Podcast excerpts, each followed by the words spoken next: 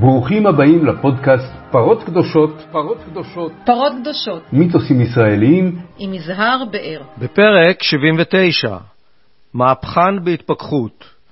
אודי אדיב משחזר את כישלון המהפכה שהביאה אותו לדמשק ולכלא בישראל. בעקבות 7 באוקטובר הוא מבין יותר את אחיו הישראלים, ומודה, הייתי אידיוט.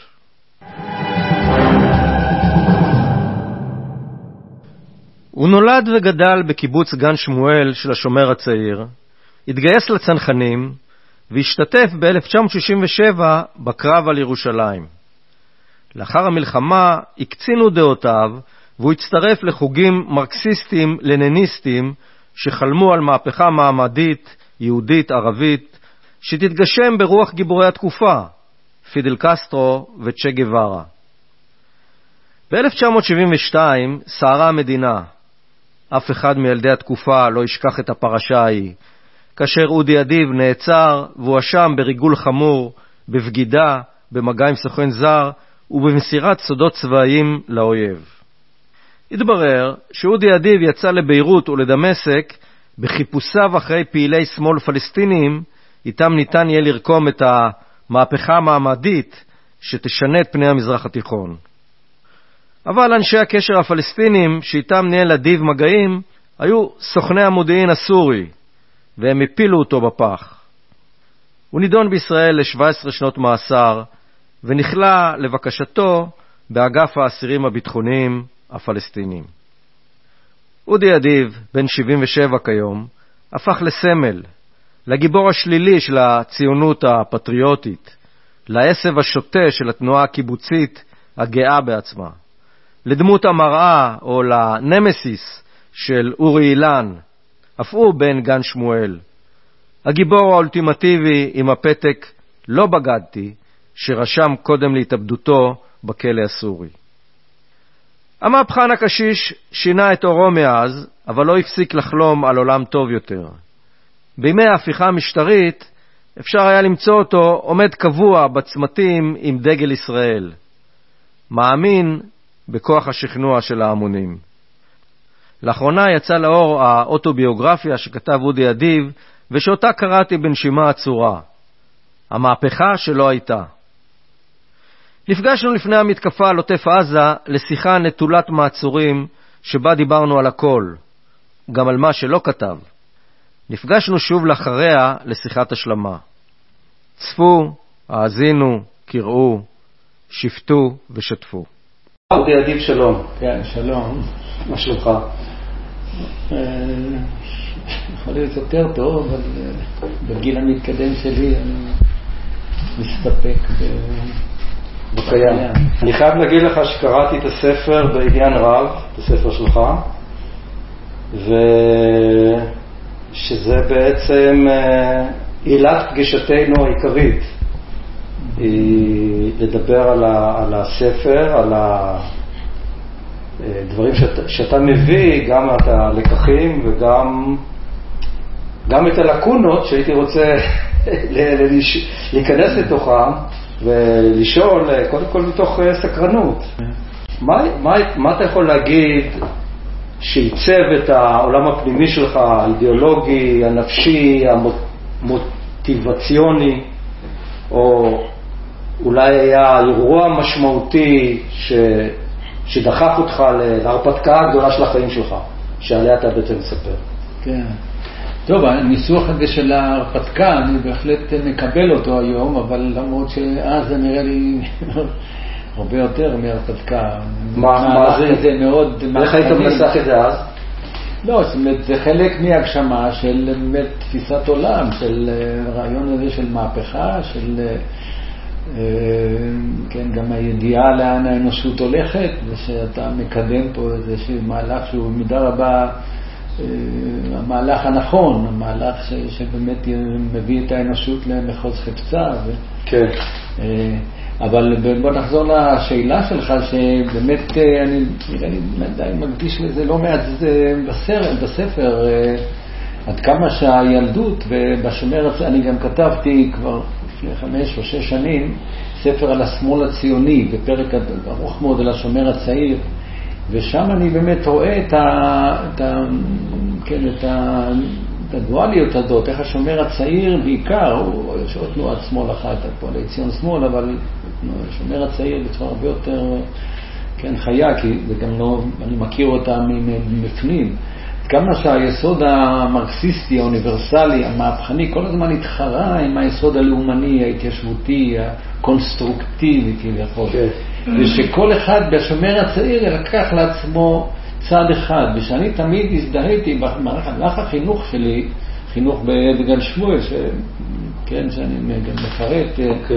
גם שם מורה מאוד כריזמטי, שכמעט לא דיבר על הצד הלאומי, היהודי, הפטריוטי, בניין הארץ והציונות. הרבה יותר עניין אותנו, עניין, כן, ב, ב, מה שקורה בעולם, מה ש, שאנחנו חלק ממחנה גדול ש, שמנצח את האימפריאליזם ובונה חברה שוויונית, צודקת. כן. ו... אבל, ו... אבל מתי אתה הרגשת שאתה חורג אולי מהזרם המרכזי בקיבוץ, בחינוך הקיבוצי? אז זה, זה מלחמת, אני קורא לזה מלחמת 67, כן. עכשיו. כן. אוקיי. שאני הייתי גם ברוח הזאת האוניברסלית, אחוות עמים כן. וכולי, ואני כל הזמן ביקרתי את ישראל, המדיניות הזו של דיין, של אותה תגמול, סיני. כן. אז רגע, אז תכף נגיע לזה, אבל אם אנחנו מדברים על החינוך בקיבוץ, בספר שלך אתה אומר, כל הדעות שלי באו מהחינוך שם. כן. אה, בקיבוץ. זה ציטוט מהמשפט, מניסוח... אה, זה אמרת במשפט. במשפט, כן. אז איך אתה יכול להסביר שאותו גן שמואל, עם אותו חינוך סוציאליסטי, הוציא מה שנראה על פי העם, נקרא לזה, כן. כמו אנשי קצוות. אורי אילן, אם לא בגדתי, כן. ואודי אדיב, שבחר לבגוד, כן? כן. אז איך אתה מסביר? הרי זה, זה אותו חינוך. נו, אבל זה מה שאני אומר, שבחינוך הזה באמת הוא היה, היו לו שני, שני, שני פנים. פן אחד כזה מאוד פטריוטי ו... ו בניין הארץ, וכן, המיתוסים האלה של אה, כל הדור הזה, באמת, שהם הקימו את הקיבוץ, שהם נטשו את היהדות הזאת, כן, התלמודית, הכנועה, זה, והקימו קיבוץ, כן, היהודי החדש, ושהצבא, או כן, הגבורה המלחמתית, כמו שלייבוביץ' הייתה, באמת המשך של אותו, אותו יהודי חדש, וש... וההורים שלו היו באמת, היה להם, למרות שהאימא שלו הייתה די סוציאליסטית, הייתה חברת כנסת אימא של אורי אילן. של אורי אילן. כן. אבל האבא היה לגמרי פטריוט כזה, ו... ויכול להיות שהוא לקח את זה, באמת, שהוא לקח את ה, בדיוק את הפן האחר, את הפן הפטריוטי, היהודי הזה, הגאה, הלא נכנע, הלא בוגד. ושאני לקחתי את הצד הזה, את הצד הסוציאליסטי, כן. האוניברסלי. אז אפשר להגיד שבאיזשהו שלב החינוך הקיבוצי בגן שמואל הוציא שני זרמים מרכזיים, כן. וכל אחד בחר את הזרם שלו? אה, כן. והיית יכול להגדיר מבחינת, אה, לא יודע, אחוזים, כמה הלכו לשם וכמה לשם? תשמע, לא, אני גם, יש ציטוט בספר של איזה בת מזרע אחת, לפני איזה עשר שנים, במקרה באיזה, לא זוכר, באיזה הזדמנות, היא פגשה, פגשה אותי, איכשהו זיהתה אותי באיזה... ואומרת לי, תשמע, אני כל השנים רציתי לפגוש אותך בשביל לשאול אותך, או להגיד לך שאני תמיד התפלאתי, היא בת גילי פחות או יותר, איך זה שמשמרת צעיר יצא רק אודי אדיב אחד. אה? מאיזשהו שלב אה, אתה מרגיש בקיבוץ שאתה בודד? אידיאולוגי? 67, רק אחרי 67. ואז אתה, אתה מרגיש את הרגשה הזאת? ומיד, כי זה קונפליקט מוחלט. 98% מחברי הקיבוץ הפכו בן לילה לפטריוטים, נטשו לגמרי את ברית המועצות, הריצו אותה לפני זה, והכל היה... אז, אז מה, מה היה ב-67, במלחמה, שעשה לך איזה שיפט? תשמע, אני גם כותב, וזו הייתה הרגשה איומה, אתה יודע שהמלחמה הזאת היא נמנעת, זה הכל עוד הרפתקה של דיין, גנרלים שרוצים מלחמות, לא היה שום איום, זה הכל היה קשקוש אחד גדול, אני מביא אינסוף מקורות לזה, בישושי. בירדן, כל המלחמה הזאת על ירושלים, משהו מופרך לגמרי, השריון הקיף את ירושלים, למחרת ברחו, הם מתעקשים להילחם בלילה, תן להם לברוח, כן. וכמה אנשים נהרגו שם ירושלים, הכותל הזה עניין אותי, בכלל לא עניין אותי כל הסיפור כן. הפטריוטי הזה. כן. ואז אתה, אתה, אתה מבין, זה, זה סתירה עצומה, ואתה הולך להיהרג במלחמה, זו הרגשה, לא יודע כמה אנשים... איפה היית במלחמה עצמה? הייתי עם הצנחנים שם, מה זה, בירושלים. בירושלים. אז אתה משחרר ירושלים בעצם. כן. בן משחרר ירושלים. אתה רואה, אתה פטריוט, מה אתה רוצה? נו כן, באמת זה חלק, מההיסטריה שהייתה בזמנו, זה שמשחרר ירושלים, צנחן, כן. תגיד, כשאתה עושה מילואים בצנחנים אחרי המלחמה, אתה מספר את זה בספר, שמאשימים אותך שאתה מרעיש בכוונה במארבים כדי כן. אה, להזהיר חוליות. של, אה, של פידיון שנכנסות אה, לישראל. מתוך המהפכה שלא הייתה. בלילות שכבנו במערבים על הירדן, ואת שעות היום הייתי מעביר בוויכוחים עם חבריי ליחידה. המחבלים האלה, הייתי אומר להם, הם בעיניי לוחמי חופש, שנלחמים כנגדנו משום שכבשנו את ארצם. הדברים שלי עוררו בהכרח את זעמם של כמה מהפטריוטים של היחידה, וכנראה גם את חשדם. כשחזרנו, אני שומע את חבריי למערב מדברים ביניהם על כך שאני מרעיש בכוונה, כדי להזהיר את החוליות של פת"ח לא להתקרב לעברנו. נזכרתי אכן ששיחקתי קצת לתומי במחסנית של הרובה כדי להפיג את המתח ולהעביר את הזמן בשעות של המערב. המערב הזה היה מתוח במיוחד, וכנראה שמשום כך התעורר חשדם. מאוחר יותר באותו יום, אביטל, המ"פ מעין שמר, קרא ושאל בטון מאשים, מה עשית במערב הלילה? אינני יודע על מה אתה מדבר, השבתי לו. חבריך מתלוננים שבשעת המערב שיחקת עם המחסנית כדי להזהיר את המחבלים. למרות הכחשותיי, הוא העביר אותי למשפט ופסק, לשמחתי, שאני מסולק מהחטיבה. זה כמובן שטויות, הרעש נובע באמת מחוסר העניין שלי, משעמום. שהשתעממת. כן, זה לא מאיזושהי... אולי תת-מודע. לא, אבל לא, אני לא. לא, אני לא מאמין, כי יש מצבים שאין שום דעות פוליטיות, זה עניין של חיים ומוות, אתה לא... הדבר האחרון שאתה רוצה זה... אז שטענו שאתה משקשק בנשק, ו- אבל זה בגלל זה שכל המ- כל המילואים הייתי מתווכח איתם, והיית מסביר שזה לא לא התכוונת? ברור. ובסוף זרקו אותך מהצנחנים, אבל בגלל זה, נכון? כן, החטיבה, כן. כן. זה מעין שמר, מקיבוץ לידינו שם. הקצין כן. ששפט אותך. כן, שפט אותי, פגשתי אותו עכשיו באיזה הפגנה. אני אומר לו, נו, בשביל זה, לזה הגענו היום. כן. תגיד, אה, בטח שאלו אותך רבים, או טענו, או אמרו, או... אתה, אתה היום, אתה מגדיר את עצמך כטיפוס דוגמטי? שמע, הכל יחסי בחיים, אבל אה, באמת, אם אני חושב על עצמי בשנים האלה, ועל אחת כמה וכמה בכלא, מה זה דוגמטיות אה, בלשון המעטה. זה לניניזם, הלניניזם כזה שאתה אה, יודע את האמת והולך, אה, מממש אותה בצורה מאוד כזאת קשוחה, בלי שום אה, כן, ויתורים אישיים, בלי אה, שום אה, כן, רחמים על, גם על אנשים קרובים, על קוצו של יוד, אתה... על תחושות של... אני אומר, על, אתה מתווכח או מתעקש על קוצו של יוד, על, כן. כן, כן, הפרידה הזאת מסילביה למשל. נטו, אני חושב היום, בדיעבד. אידיאולוגי. לגמרי אידיאולוגי. כי היא היא הייתה היא טרוצקיסטית. הייתה טרוצקיסטית, היה שם גם ויכוח בזמנו שם בינם. הם תמכו בחזית העממית, ואני הייתי החזית הדמוקרטית. אז בשביל זה, בשביל זה מחסלים קשר רומנטי? כנראה, וגם עם עם דן ורד ושני אנשים שהיו איתי בחור-. השותפים שלי, שהם כביכול לא היו, לא השתלבו ב- בפעילות הפוליטית שלנו, שהם הפלסטינים. נציין כאן שסילביה קלינברג, אשתו הראשונה של אדיב, הייתה בתו של מרקלוס קלינברג, מבכירי המכון הביולוגי, שב-1983 הורשע ונידון ל-20 שנות מאסר באשמת ריגול למען ברית המועצות. מתוך המהפכה שלא הייתה. בזמן המשפט ראיתי להפתעתי את סילביה שהצליחה להיכנס לבית המשפט כביכול בתור עיתונאית שבאה מלונדון.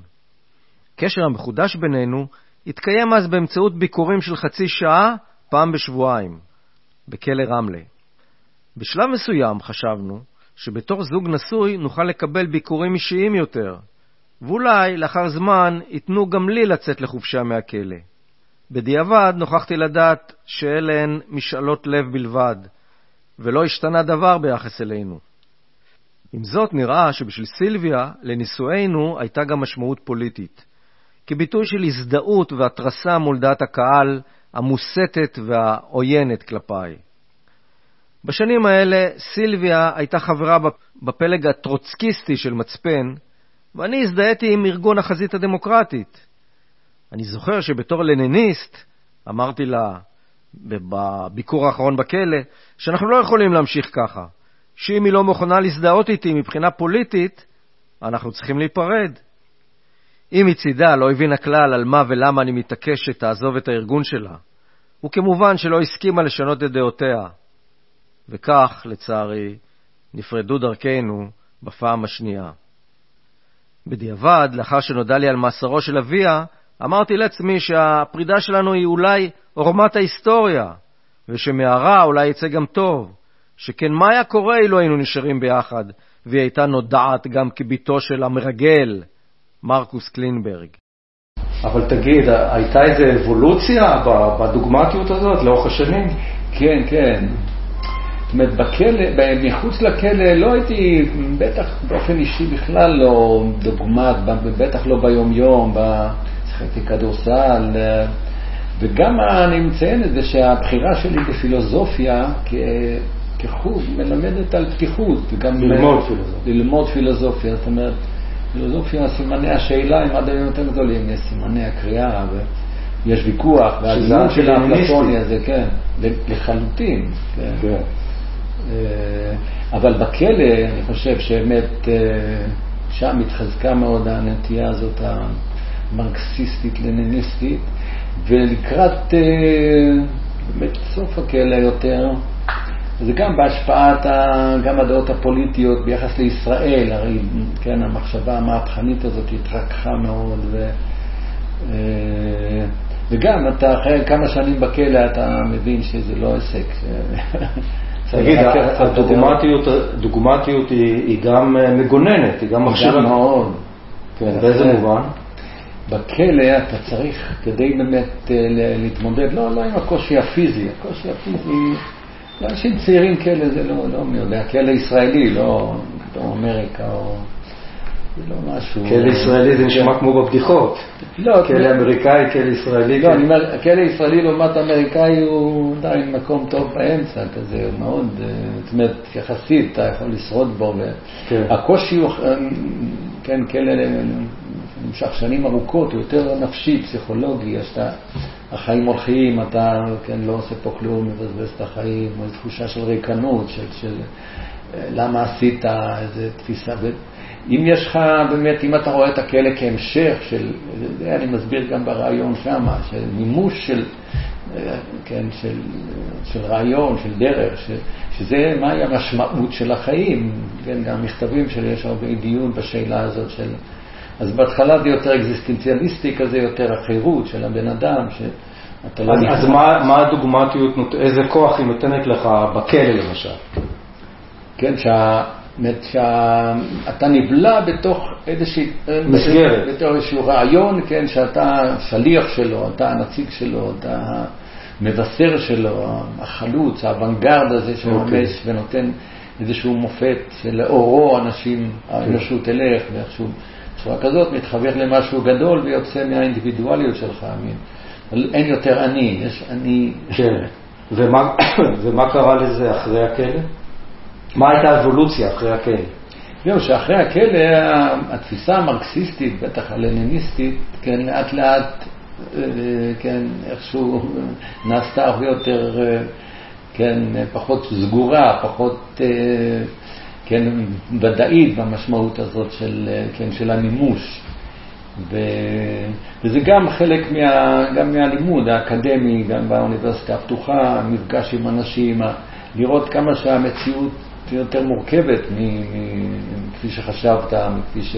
שזה לא, שהעיקר בחיים, או ה, כן, מה שמשנה, אה, זה יותר רעיונות, יותר, כן, הצד הרעיוני, הדיאלוגי, הכתיבתי, ושברגע שאתה נכנס לדיאלוג, אתה נעשה הרבה יותר חכם, אתה...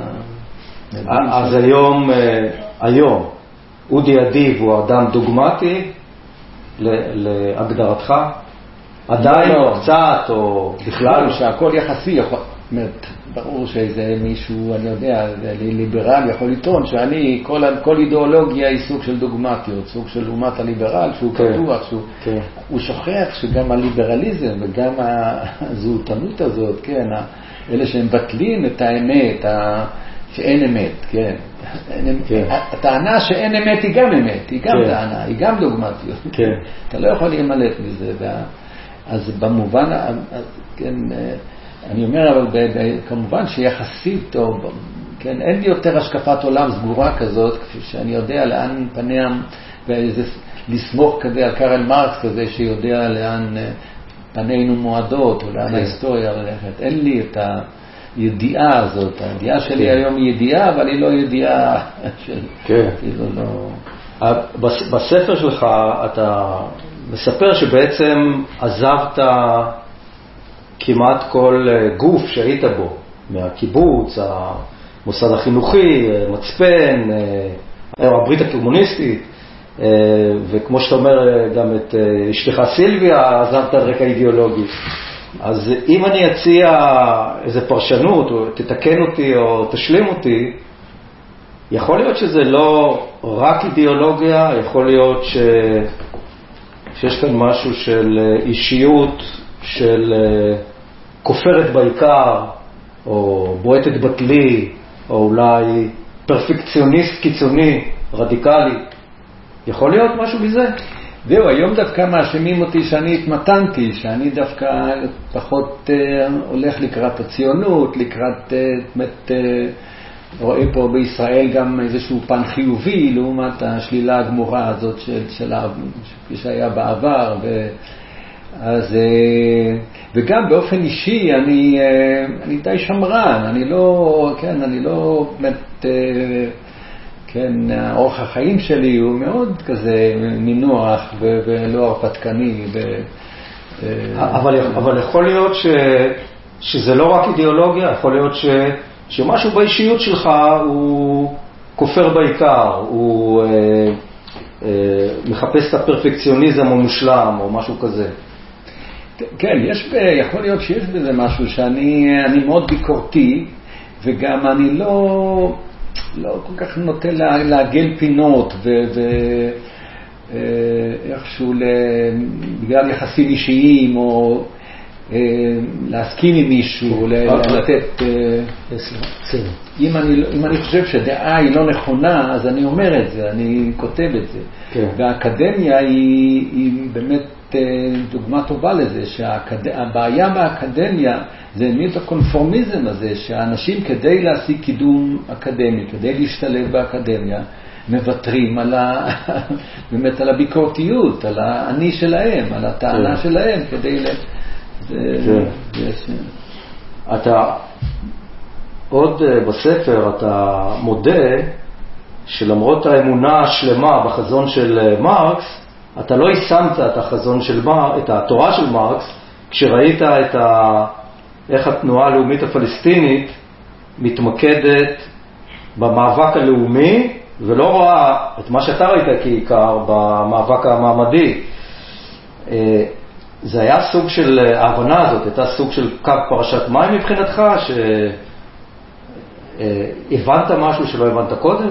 כן, כן, ללא שום ספק. אני, באמת, בשנים האלה שנכנסתי לכלא, הייתה איזו תפיסה מאוד כזאת אה, פשטנית ותמימה, איזו הערצה לפלסטינים, ראיתי אותם כמהפכנים, כ... אה, ובעיקר את אנשי השמאל ביניהם. ולאט לאט ראיתי שהמרקסיזם, אה, המרקסיזם שלהם הוא לגמרי באמת איזשהו על פני השטח, הוא אמצעי, הוא לא, הוא לא, זה לא, התוכן הוא לאומי, המרקסיזם, זאת אומרת הצד המעמדי, הפועלי, זאת אומרת הפועלים, או הצד, ה, אין לא בדיוק פועלים במשמעות של מרקס, אבל העם הפשוט, הפליטים, כן, האנשים, ה- ההמון הזה, הציבור הזה, הצעירים האלה, אמורים ליישם את, ה, את, את השחרור הלאומי, שהשחרור הלאומי הוא עיקר, ולא התוכן החברתי, לא המבנה החברתי, לא היחסים המדעיים, שאין ביקורת באמת, ובעיקר ביחס ל, ל, ללאומיות הערבית ולדת, לאסלאם. כן. שאין ביקורת של הדת, אין ביקורת של הלאומנות במשמעות האתנית הזאת, של השייכות ל... כן, לאיזשהו עם אה, פרימורדיאלי אלפיים שנה, שהתחיל מאז כן. ועד היום, התפיסה הזאת של התפיסה הציונית, אבל שאצל הערבים היא באמת אותה, אותה תפיסה שלקוחה בעצם מהוגי דעות מזרח אירופאים כן. ורומנטיקאים. אז אז אם אנחנו נכנסים פה לעובי אה, לעובי הקורה, אז בתחילת שנות ה-70 אתה נוסע לאתונה ומשם לביירות ולדמשק במטרה להקים, כאן אני מצטט אותך, ארגון יהודי-ערבי שבו אגף פוליטי ואגף צבאי שימשיך את המהפכה הפלסטינית, המרקסיסטית, לניניסטית, נגד השלטון הציוני ולמען שני העמים. זה ציטוט מהמשפט. ציטוט שלך, שאתה אומר, אתה אומר את זה. עכשיו, אה, שני, שני האנשים מהצד השני, שני אנשי הקשר שלך, שזה דאוד ואבו כאמל, כמאל. אבו כמאל, אה, שגייס אותך באתונה, היו פלסטינים שהסתבר לך מאוחר יותר שהיו גם לאומנים. לא רק, רק אבו כמאל, כי דאוד הכרתי, דאוד הכרתי. כן, אבל, אבל לא ידעת שאז אבו כמאל הוא שליח המודיעין הסורי, והוא לאומן. מתי גילית את העובדה הזאת? לגבי שניהם בעצם. לא, אז לגבי, לגבי העניין הקשר שלהם לסוריה, את זה גיליתי רק בחקירות, רק במשפט. לא ידעת עד אז על הקשר שלהם לסוריה? איך, איך אה, אבו כמאל מביא אותך לסוריה?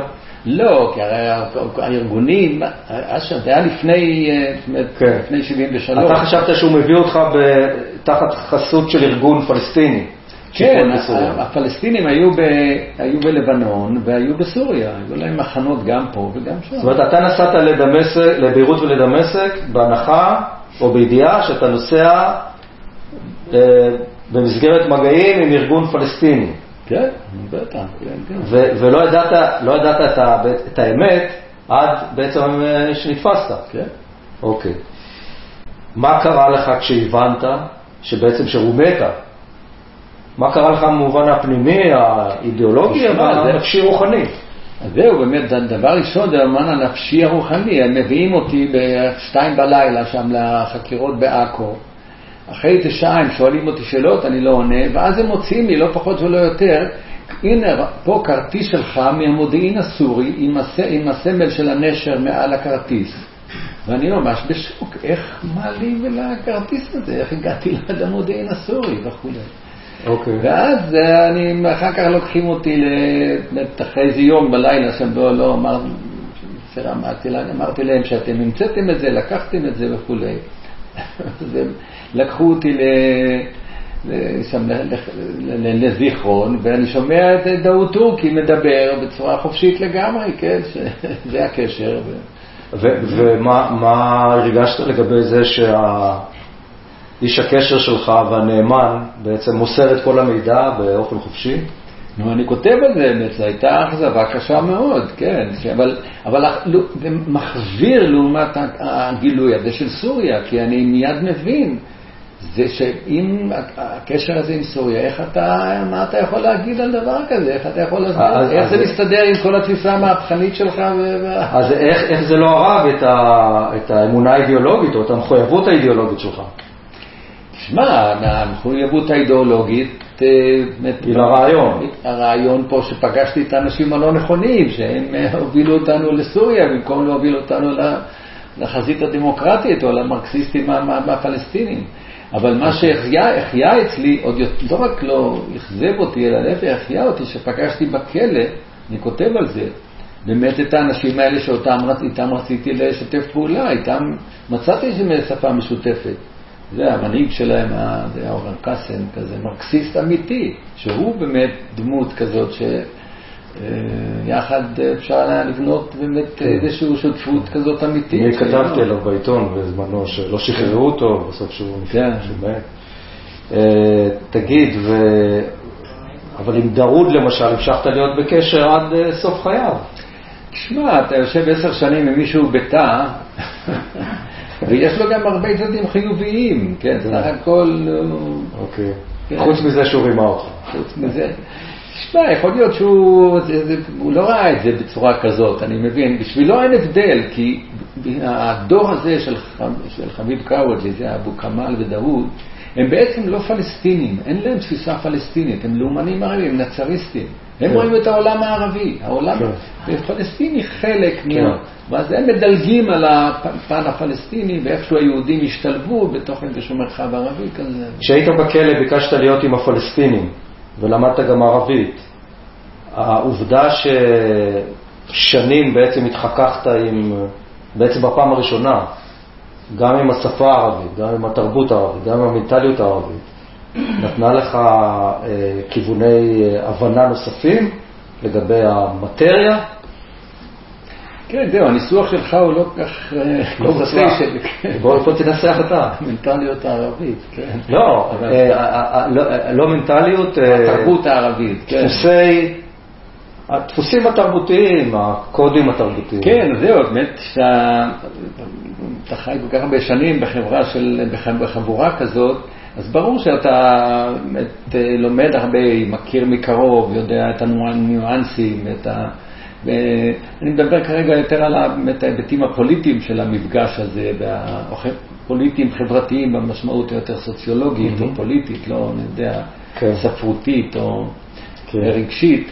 אה, אז ברור שבאמת אתה ירד, הבנתי לעומקו של, של עניין פה את התפיסה הזאת של הלאומיות הערבית, עד כמה שהיא עמוקה ומושרשת ובעייתית מבחינת הסכסוך שלנו עם הפלסטינים, פה המפגש כן. הזה עם ישראליות. מהמם. וש... וש...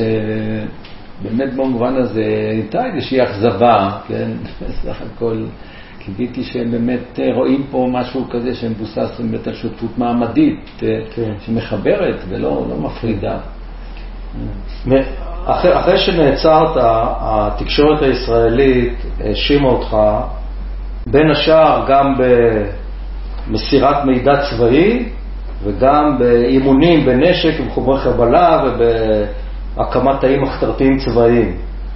אה, בספר שלך אתה לא, לא כל כך מתייחס או לא עונה להאשמות האלה. מה, מה היה באמת? זהו, יש שם במשפט אחד, אני אה, אומר שם, כן, שה... אה, כן, הפור... המ- ה- גזר הדין הלא לא פרופורציוני הזה, שללא שום יחס ל... ל- ל- לעבירה, שלא לא מצאו שום נשק, לא שום חומרי חב... זה, אה, כן, בעצם לא נעשה שום דבר צבאי, לא נעשה שום דבר... שום לא, אבל אתה יכול לס- לספר ב- בלשונך, מה, מה, אתה מספר שהיית בדמשק, הלכתם לרובע היהודי. כן. שנדבר על זה גם תראה. אבל מה, עשית, מה עשיתם חוץ מזה? בביקור? כל כתב האישום הזה הוא פתטי. 11 סעיפים על מסירת ידיעות לאויב, וסעיף אח- סעיף אחד על חציית אה, ביקור בארץ אויב בלי אישור משרד הפנים, והסעיף ה-12, או אני לא זוכר, זה סיוע לאויב במלחמתו נגד ישראל. כל 11 הסעיפים של האינפורמציה הם שטויות, פשוט שטויות. שום מסמך, שום צילום, הכל בשיחות בעל פה עם אותו חביב קאווג'י. גם כתבתי לו איזה, באיזה מחברת, חביב קאווג'י הוא, הוא אבו כמאל. אבו כמאל. רק איתו, השיחות רק איתו, רק איתו, עם, זה- עם חביב אז קאווג'י. אתם, אתם בדמשק, אז מה, כל היום אתם מדברים? כן, יושבים בבתי קפה, קצת בערבים יוצאים לבלות, קצת, וזה. זהו, ושום אימונים בנשק? שום- לא, אז היה, יום אחד נסענו אימונים בנשק להרים, וירינו קצת בקלצ'ניקוב, והם יראו שם, איך יודע, לחבר מטען וזה. ו... תשמע, אבל מה, התאמן, אתה מתאמן בנשק, מה, מה, זה לא על אדמת ישראל, לא, איך אתה יכול להשאיר בן אדם על... אה? העניין הוא שזה מלמד על הכוונה שלך לבוא לארץ. לא, אבל אתה בעצמך, בציטוט שקודם השתמשתי בו מפיך, אתה אומר שהכוונה הייתה לה- להקים ארגון יהודי ערבי, עם נניח. אגף פוליטי ואגף צבאי. נניח, אבל על כוונות לא שופטים. אבל אתה אומר שכן התאמנתם, נגיד יום אחד, בנשק בסדר, אז, קבלה. אז תאשים אותי, כן? מה, מה זה כל, ההאשמה, ה-17 שנה זה על הריגול ועל הסיוע לאויב במלחמתו בישראל. זה ה-17 שנה. כן. זה, וזה, כל המשפט הזה, זה הכל בגלל שזה ארבעה ישראלים, בעיקר אודי אדיב, הצנחן, זה התקדים איום ונורא, איך זה יכול להיות? אנחנו הצודקים, היפים, המותקפים, היו... העיתונאי והסופר רן אדליסט, מכר ותיק של אדיב מהקיבוץ השכן, עין שמר, מכנה את המהפכנות של אדיב כהתבגרות שיצאה משליטה. לדבריו, התעלול של אודי לא פגע בביטחון ישראל כהוא זה. פרסום המקרה והמשפט התקיימו בניגוד לדעת הדרג המבצעי של שב"כ, שהופתע מהפומביות, הוא אומר.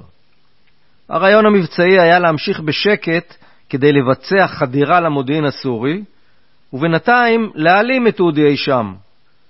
אבל הכישלון במניעת רצח הספורטאים במינכן דחף את מערכת הביטחון להציג הצלחה ביטחונית פומבית. אבל, אבל ב, אה, שוב, מהציטוט שלך, כש, כשאתה אומר אגף, הקמת אגף פוליטי ואגף צבאי, מה, מה היה הרעיון? ש, שתקימו בארץ במשך, במשך הזמן שני אגפים כאלה, אגף פוליטי ואגף צבאי, להילחם במשטר הציוני? כן, זאת אומרת, תחשוב, אני יודע, על מהפכנים כאלה כמו, אני יודע, פידל קסטרו. שגווארה. כן. כן.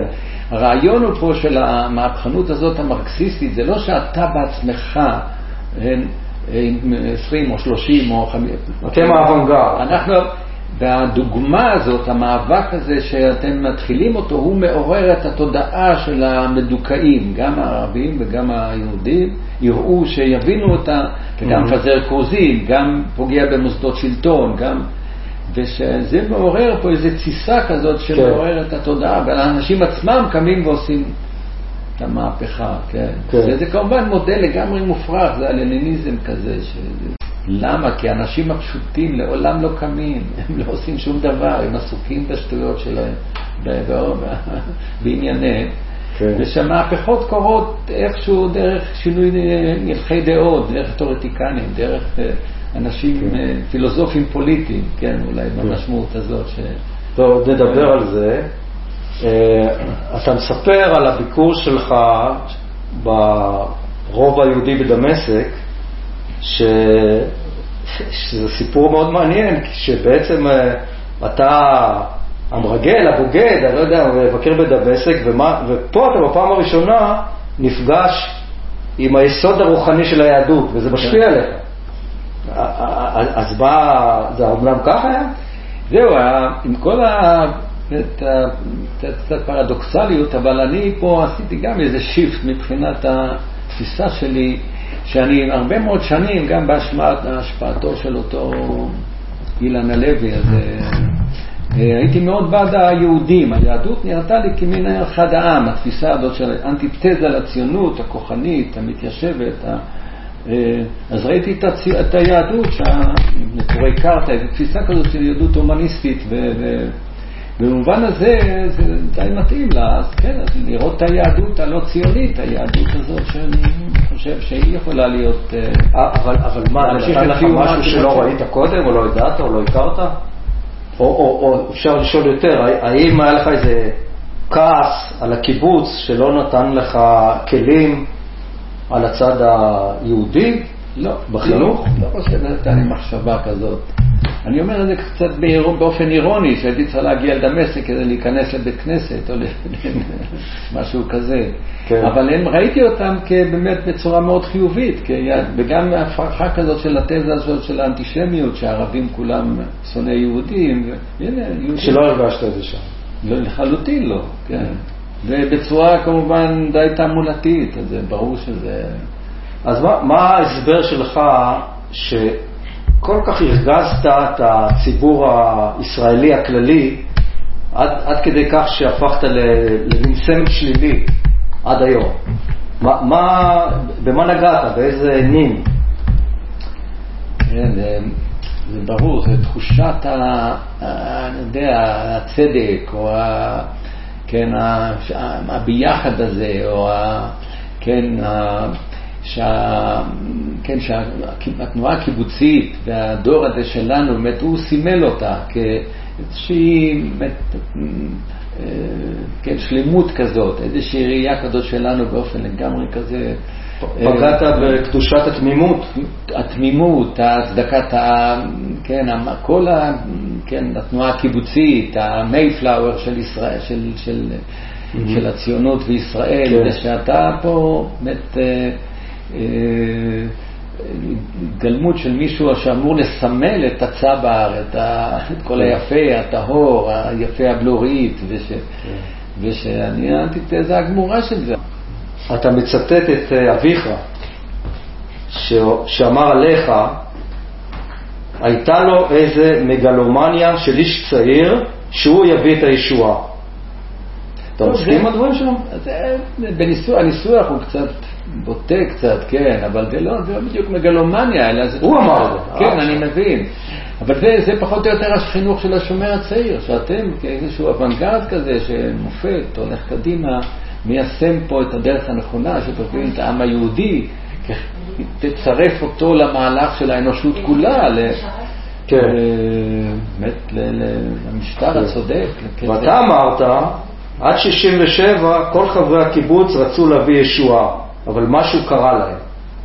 מה קרה להם? נו, זה באמת, אה, זאת השאלה באמת. ישועה במובן הזה של, אה, איך הם הניסוח הזה שלהם, של אחוות עמים, של סוציאליזם, של אה, ברית המועצות כאיזשהו מופת שהאנושות הולכת אה, בעקבותיה ומיישמת, ושהם היו חלק מהתפיסה הזאת של ה... שיש ישועה, שיש איזשהו חזון אחרית הימין כזה, ש... כן. וב-67, כן, איכשהו כולם נסחפו בזרם הזה הלאומני ונטשו לגמרי את התפיסה הזאת. המרקסיזם זה רק אה, איזושהי מילת קוד כזאת, אבל למעשה זה מה שנקרא השקפת עולם. אין יותר השקפת עולם, יש רק העם היהודי, מדינת ישראל. אחרי גזר הדין, אתה אמרת, אה, הדעות היו טובות, אבל הדעות השתבשה. כן. מה השתבש? נו, השתבש, כל סוריה כל אה, התפיסה... המעשה בעצם. המעשה. עולם המעשה השתבש. כן. באמת, אה, בשנים הראשונות, כל התקופה של הכלא, ביסודו של דבר לא השתנתה התפיסה שלי, כן, המקורית. כן. רק, אני, כן, ברור שהמעשה עצמו היה, כן, אה, בכיוון הלא נכון, עם האנשים הלא נכונים. ובעיקר בקשר הזה עם סוריה וכל העניין הזה של הריגול. כן. ומה שבאמת הבנתי טוב מאוד זה התפיסה הזאת של הלאומיות הערבית, זה נקרא בערבית אל-קאומי, הראייה הזאת הפן-ערבית. ושעד כמה... ש... שעליה לא ידעת מספיק. לא, בכלל, לא הייתה שום, לא הבחנתי בכלל בין הפלסטיניות לפן-ערביות. כן. וזאת הבחנה, עכשיו אני רואה אותה כדבר מרכזי, אני לא מפסיק לכתוב על זה. הפלסטינים עד היום הם פן ערבים. אין להם, יש מעט מאוד פלסטינים, הוגים פלסטינים, שמבינים, יורדים לעומקה של הפלסטיניות, כמה זה מרכזי. אני שומע את כל תחנות הרדיו הערביות. אין שם פלסטין, לא מדברים על פלסטין, זה רק הציבור הערבי, הגוש הערבי, החברה הערבית, הערביות. כן, בשנות ה-70 בוצעו פיגועים לא מעטים של ארגונים פלסטינים שבהם נהרגו אזרחים ישראלים. אה, אני קורא שבעקבות הטבח במעלות ב-74 אמרת דברים שבוא נגיד אה, יכולים להיות קשים לאוזן ישראלית. בלשון המעטה. כן, אני מצטט אותך. נראה שהעם הפלסטיני ככל עם אחר חייב לעבור דרך עמק הבכה של מעשי חטיפה ופגיעה באזרחים כדי להגיע לדרך הניסוי והטעייה לפסגות של מאבק השחרור המהפכני כפי שקרה בסין ובווייטנאם. העניין איננו איפה להטיף מוסר ללוחמים הפלסטינים, אלא ראשית להצטרף למאבקם וכך להפוך אותו מבפנים למאבק פוליטי מהפכני, אך ורק תמיכה של מהפכנים ישראלים במאבק הלאומי הפלסטיני תבטל את אופיו הלאומני ותהפוך אותו למאבק סוציאליסטי, מהפכני, בעל תוכן חברתי מתקדם. אה, זאת לא נאיביות רדיקלית להגיד, אה, במקרה הטוב, להגיד דברים כאלה, במיוחד בקונטקסט של התקופה ההיא? כן, בסדר, אני יחסית לאמירות אחרות שלי מהתקופה ההיא, לא לגמרי מבטל את מה, ש... מה שאמרתי אז. אבל זה נכתב בזמן אמת, נכתב בכלא, זה נכתב, כן. וזה נכתב בטח לעומר, עומר קסם. אמ, אבל ברור שיש כאן משהו, כן, שהוא בכל אופן מעניין מבחינתי, מבחינת ההתפתחות של הדעות שלי. זאת אומרת, היום היית שם ידך על, על אמירה כזו? לא, לא, בשום אופן לא. כי זהו, אני, מה שאני אומר זה שיש כאן משהו, הרעיון הזה של המהפכה מלמטה, שההמונים עצמם, או שאנשים לומדים מהניסיון. כן. היום אני לא חושב ככה, הלימוד והידיעה באים מלמעלה, מפילוסופים פוליטיים או מאינטלקטואלים, מאנשים ש... כן... ואתה חושב שאפשר לעשות שינוי בדרכים האלה? אני חושב שאפשר לעשות שינוי דרך... חינוך. דרך חינוך בעצם? חינוך פוליטי. עם מעורבות פוליטית, דרך גם מאבקים, כן, אבל המאבקים הם מודרכים על ידי ה... זאת אומרת, אתה מתחיל מהסוף. יש לך איזושהי ידיעה כללית, או איזשהו... שאתה אומר, מההתחלה אתה אומר שמעשים כאלה הם פסולים, הם לא מובילים לשום מקום, הם תוקעים אותנו, להפך, לוקחים אותנו אחורה, כן? ושהדרך באמת לשנות את ה... את השנאה או את הלאומנות הזאת שמולידה את המעשים האלה, היא מלמעלה, היא לא מהניסיון. אתה לא מחכה שהפלסטינים מהניסיון שלהם. אפשר, אפשר להגיד שבעצם אה, הפסקת להיות צ'ה גווארה ונעשית יותר סלבדור איינדה? כן, כן, ללא שום ספק. כן? שהסוף של שניהם לא היה מצוין. כן, בסדר. בימים האלה אנחנו מציינים 50 שנה למלחמת יום כיפור, 73. אה, האם המלחמה הזאת שינתה משהו בנקודת המבט שלך על המציאות שלנו? וגם, אני לא, אני לא יודע אם אתה צופה בערוץ אה, כאן 11, אבל בערבים האחרונים מראים צילומים נדירים של חיילים ישראלים חוזרים מהשבי בסוריה ובמצרים. והשמחה הגדולה של בני המשפחות וכל זה. רציתי לשאול אותך אם כאסיר לשעבר, האם אה, אתה מרגיש איזה סוג של אמפתיה לחייל או לקצין ישראלי שישב בכלא המצרי או הסורי? מעצם החוויה של לשבת בכלא.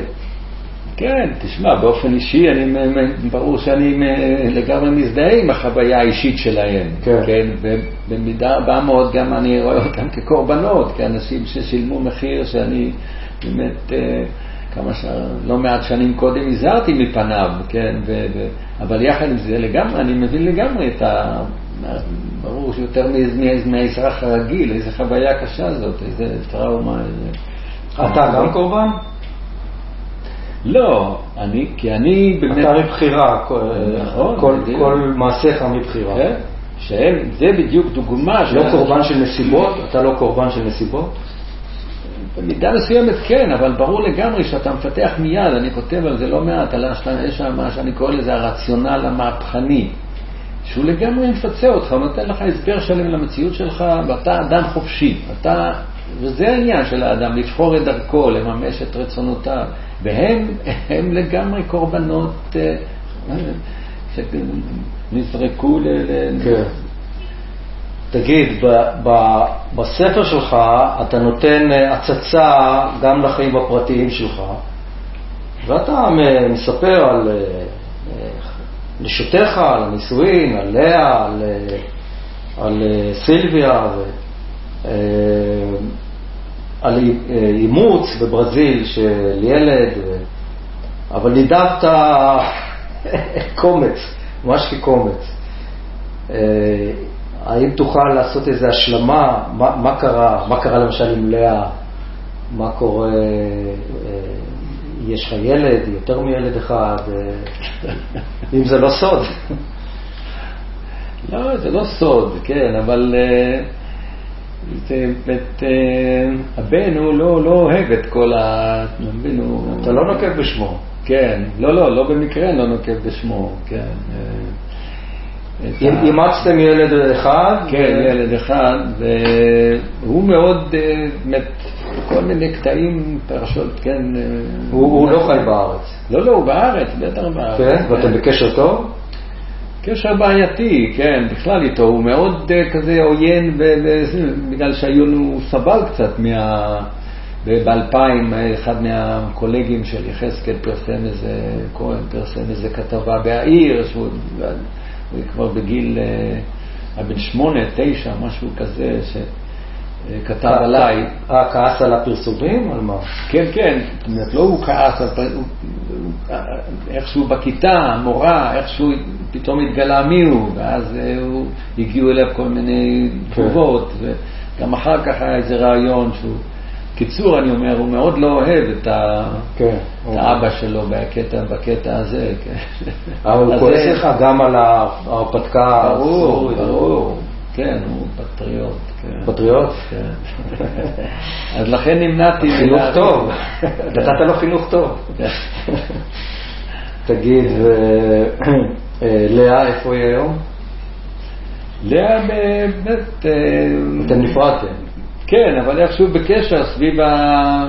סביב הבן הזה, הלא פשוט שלנו, כן. כן. זה איחד אותנו שוב, כן. כן.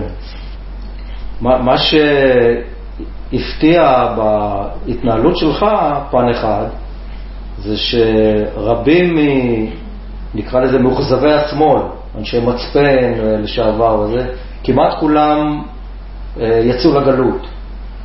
ואתה, למרות האות קין שהטילו בך בציבוריות הישראלית, אתה בחרת לחיות בארץ. אתה יכול זהו, להגיד זהו. משהו? מה, זה, זה, זה, האינסטינקט אומר, אני, אני אתרחק מהמקום שבו לא נוח לי. כן. מה קרה במקרה שלך?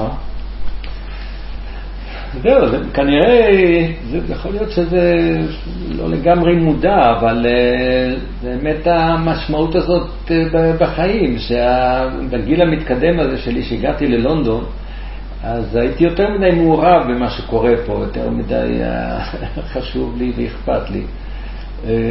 וגם האפשרות להשתלב בלונדון בגיל, אחרי גיל 40 היא די מוגבלת מבחינת, מבחינה חברתית, מבחינת מקצוע, מבחינת אפשרויות. אה, יכול להיות שאם הייתי שם, הייתי מגיע בגיל יותר צעיר, עם איזה משרה אקדמית שיכולתי, ל- הייתי נשאר. כן. אבל אף פעם לא הייתה המחשבה הזאת של החברה הזאת, שנאה לחברה, או דחייה, או פחד, או איזושהי תחושה כזאת של זרות, או כן. שאתה לא מקובל פה, שאתה לא רצוי פה. ש... אז זהו, גם באופן אישי היו לי הרבה מאוד, די הרבה חברים, וגם הרבה מאוד חברים פלסטינים, כן, שאני רואה אותם חלק מה... מהחברה, מהארץ, מהמדינה. הבית הוא כאן. כן. כן. א- איך אה, יחסיך היום עם אה, גן שמואל? זהו, גם אתה בעניין- מגיע? אתה מגיע לבקר? כן, האחות שלי עדיין קשורה לגן שמואל, אז אני מגיע לשם, והיחס הוא באמת השתנה, השתנה במידה רבה מאוד. כן. א- איך מקבלים אותך?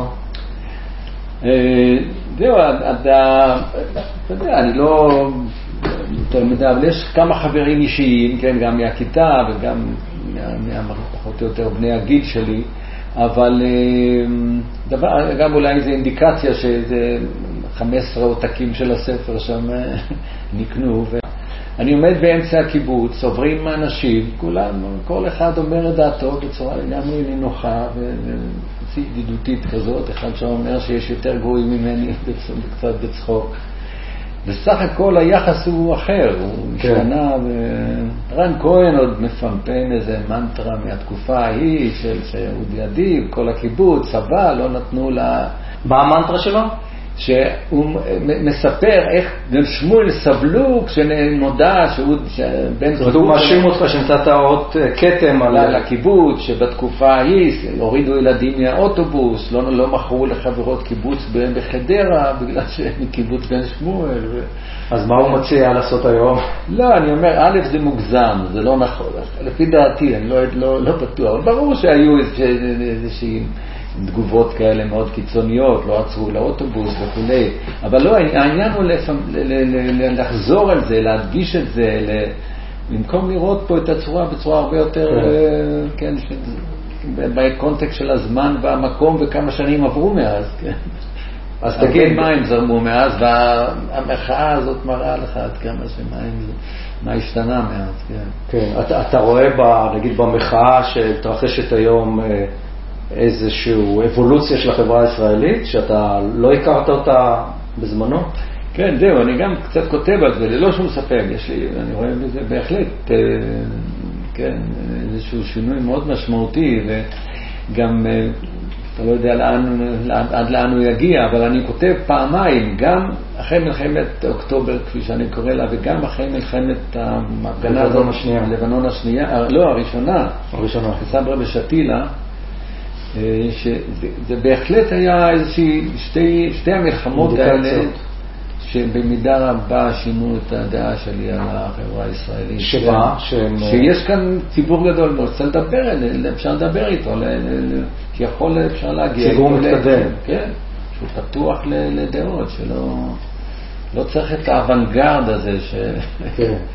תגיד, אה, אם אפשר להגיד, בסיכום של כל פרשת חייך, אתה יכול אה, לתמצת איפה טעית ואיפה נמצא הלב האידיאולוגי שלך היום. אז טעיתי יחד עם אה, מחנה גדול מאוד של המהפכנים של שנות ה-60 וה-70, שחשבו שכן, בסיסמאות, באיזה אוונגרד כזה, שגם באורח החיים שלו וגם אה, נוסח צ'ה גווארה והבריגדות האדומות, כן, ישנו את העולם, שהשינוי של העולם הוא מהלך הרבה יותר מסובך, ושצריך ללמוד אה, לקרוא, לחשוב, להבין, אה, להתחיל מימי היוונים, שהם הפכו להיות בעיניי למודל באמת של חשיבה שהיא כן. התחלה של כל ניסיון לחשוב באופן רציונלי על חברה טובה וצדק עלי אדמות. ו- אה, אז זה, זה באמת אה, שינוי מאוד מרחיק לכת בחשיבה שלי. אפשר לקרוא לזה טעות, כן, אבל אה, כן, טעות שהיא אה, נחלת אה, לא מעטים ורבים וטובים. את- אתן איזה שניים שלושה אמירות שאתה מביא אותה בספר, החל מכותרת הספר, שהמהפכה שלו הייתה, המשך באמירה הדרך לגאולה רצופת טעויות, ובסוף, ממש בסוף הספר, אתה מצטט אמירה של סארטר באחרית ימיו, בתשובה לשאלה איזה מין בן אדם הוא היה. והוא ענה, הייתי אדם לא רע. כן, זאת אומרת, עם איזה אמירה מכל אלה אתה מזדהה יותר, יותר מכל? אמ, נו, בסדר, זה לא שם, לא במקרה שמתי בסוף את ה... הייתי אדם לא רע. כן, שכוונות טובות, כן, זה קשור, כן. זה- העיקר זה באמת הכוונה הטובה, זה גם... כמובן הרעיוני, היית חוזר על המסלול שעשית? זהו, אני הרבה פעמים חושב, אם אני מתגעגע לימי נעוריי, ל-. כן, מבחינת יותר, אתה יודע, החיים, יש לך הגעגוע- געגוע- געגועים האלה לתקופה של. מהנעורים, ואני חושב, במחשבה ראשונה, כן, כל אחד רוצה לחזור להיות צעיר. מחשבה שנייה, אני אומר שהיא יותר... לשבת עוד פעם בכלא 12 לא? לא לשבת יותר בכלא, להיות טיפש וטמבל כמו שהייתי. עוד פעם. כל מה שלמדתי, כל החוכמה שיש לי היום, שום משהו לא הייתי מוותר עליה. שבוע אחרי פרוץ המלחמה בדרום, נפגשתי עם אדיב לשיחת השלמה. שאלתי אותו אם הוא הופתע. הופתעתי מאוד, זה באמת אה, זה דיסוננס שלא יאומן בין האווירה הזאת האינטלקטואלית, הזאת התרבותית של פסטיבל הסרטים בחיפה. אתה פותח את, ה, את האינטרנט, החדשות, ורואה משהו כל כך מזעזע, כל כך, אה, כן, אה, של כרעם ביום בהיר כזה, כל העולם נחשך, מבטיח רק העוצמה, כן, הממדים של, ה, של הרצח והברוטליות והאכזריות שבאמת החמאס אה, אה, כן, ביצע פה, זה משהו שהוא באמת, שהוא בן אדם שפוי לא יכול לקבל דברים כאלה. אבל זה הפתיע אותך, ההתנהגות לאוכלוסייה כן, האזרחית? כן, ללא שום ספק, הממדים של זה, זה מפתיע. גם החמאס, אני קורא, שומע את, ה, את הנאומים שלהם, תמיד זה נאומים כאלה, הישות הציונית, לחסל, אבל זה לא, כן, לקרוא ממש לרצח ואונס, ולא אונס, כן, במשמעות ה... כן, הנשית של המילה, אלא אני אומר משהו כל כך ברוטלי ואכזרי לגבי אוכלוסייה אזרחית. ו, אה, אבל עדיין אסור לאבד את השפיות. ואת התקווה? גם, גם את התקווה. איפה, איפה התקווה שלך? התקווה, התקווה היא שבסופו של דבר הרציונליות, שבני אדם יוצרים רציונליים, הם לא רק מונעים על ידי יצרים ונקמות. אז מה הרציונל עכשיו?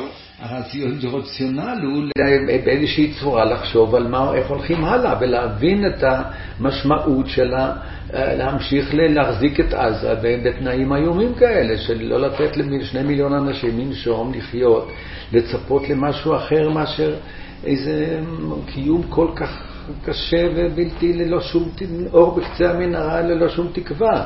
מייצרים שם מאות אלפי צעירים שאין להם שום אופציה חוץ מאשר ההתלהמות הזו של חמאס ולהרוג ולהתנקם בה. כן.